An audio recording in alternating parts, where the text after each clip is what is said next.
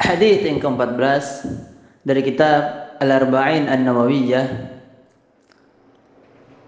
An Ibn Mas'ud radhiyallahu taala anhu qala qala Rasulullah sallallahu alaihi wasallam la yahillu damu imri'in muslim illa bi ihda thalath athayib az-zani wan nafsu bin nafs wat tariku lidinihi Al-Mufariqu lil Jamaah. Rawahul Bukhari wa Muslim.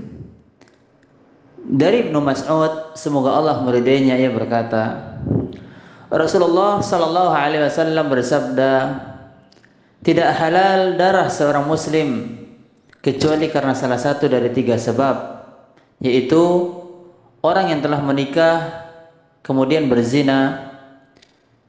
Yang kedua jiwa dengan jiwa yaitu membunuh. Yang ketiga, orang yang meninggalkan agamanya atau murtad kemudian memisahkan diri dari jemaah kaum muslimin.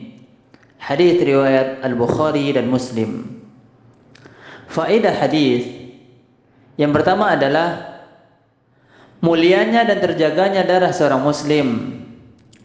Faedah yang kedua, Islam memuliakan harta dan jiwa seorang muslim kecuali kepada tiga golongan ini yaitu orang yang telah menikah namun berzina yang melakukan pembunuhan dan orang yang meninggalkan agamanya atau murtad. Faedah yang ketiga yang menerapkan hukuman ini adalah pemimpin tertinggi dari kaum muslimin. Faedah yang keempat ketegasan hukuman yang diterapkan Islam agar umat Islam memperhatikan dan menjalankan syariatnya dengan sungguh-sungguh tanpa ada peremehan di dalamnya karena akan ada dampak yang berat yang akan mereka terima.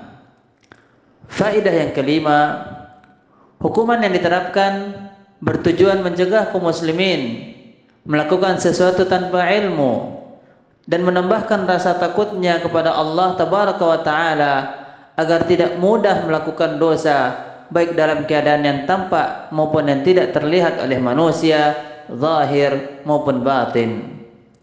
Demikian semoga Allah menjaga diri kita dari segala keburukan dunia maupun akhirat. Allahumma inni a'udzubika min syarri nafsi wa min syarri basari wa min syarri lisani wa min syarri qalbi wa min syarri maniyyi بارك الله فيكم.